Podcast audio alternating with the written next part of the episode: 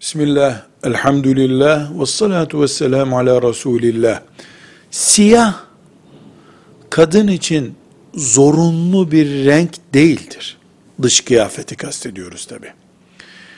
Siyah, süslenmeye ve zinete en uzak renk olduğu için genelde Müslüman kadınlar siyah giyinmeyi dışarıda uygun bulmuşlardır. Uygun da bir tercih yapmışlardır.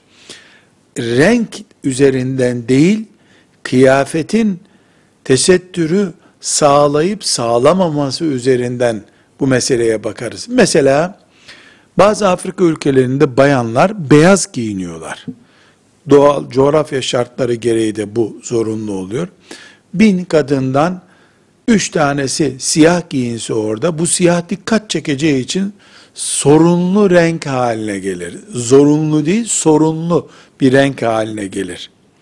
Dolayısıyla kadınlar için siyah diye bir şart yerine tesettür diye vazgeçilmez bir şart kullanıyoruz. Velhamdülillahi Rabbil Alemin.